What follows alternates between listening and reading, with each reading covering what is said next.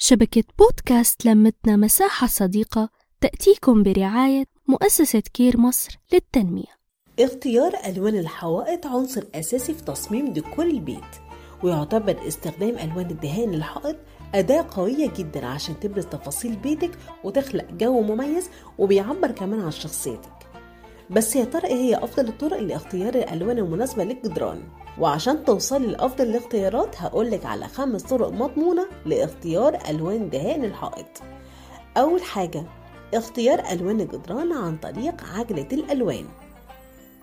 عشان تعرفي كل لون ممكن يتناسب مع إيه هتقعدي وقت طويل جدا مع عجلة الألوان اللي بتعتبر من أهم طرق اختيار ألوان الحوائط اللي هي بتخلي لك كل لونين مرتبين مع بعض بشكل متتالي. وممكن كمان استخدام لونين مع بعض عشان نسل ألوان الجدران. هتلاقي ناس بتنجذب بشكل طبيعي للألوان باختارها لك العجلة زي مثلا اللون الأخضر واللون اللبني الفاتح جدا اللي أقرب للباستيل اللي بتعبر عن الهدوء والاسترخاء وبتساعد كمان على النوم. أما اللون الأحمر والبرتقالي بتعبر عن النشاط والحيوية. تاني حاجة عندنا اختيار ألوان الجدران الطبيعية. حالة الاهتمام بالطبيعة والمواد الطبيعية صديقة للبيئة بقت تؤثر علينا تأثير كبير جدا. ده بيساعد على دخول ألوان الجرانيت واللون الأخضر والبني والأبيض في دايرة الألوان اللي انت ممكن تستخدميها. اختيار ألوان الجدران المحايدة. لما انت بتختاري ألوان الجدران لازم تتمسكي باللون المحايد في الأساس أو وحدات الإضاءة أو الأدوات الصحية والإكسسوارات. وده من أفضل طرق اختيار الألوان المناسبة للجدران سواء كنت من محب الألوان المحايدة أو الألوان الجارية. أما الألوان زي الفضي والذهبي والبرونزي والنحاس واللؤلؤي ده بيضيف كتير جدا من الأناقة والرقي في المكان. وده بيساعد إن هو بيظهر الالوان المحايدة في ضوء النهار.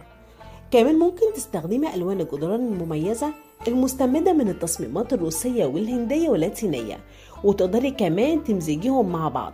عشان تدي لون محايد ومختلف وجديد. وكمان ممكن تستخدمي الألوان المستوحاة من التكنولوجيا زي الأزرق الملكي أو التفاح المحمر ولون أشعة الشمس الصفراء ولون اليوسفي اللي بيعطي للأوضة شعور بالطاقة والحيوية والأناقة. رابع طريقة عندنا اختيار علاقة الألوان ببعضها البعض. عن طريق اختيار الألوان المناسب للجدران باستخدام علاقة الألوان مع بعض عشان تلون الجدار. يعني خليكي جريئة ومستعدة تجربي كل حاجة موجودة.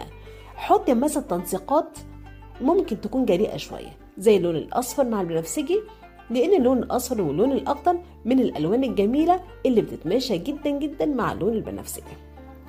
اختاري ألوان للجدران جريئة. من طرق اختيار الألوان المناسبة للجدران اللي انت تجمعي ما بين لونين جريء وده بيتناغم كمان مع لون المفروشات المحايدة عندك عشان تشعري بتباين الألوان وبكل واحد فيهم يبين التاني.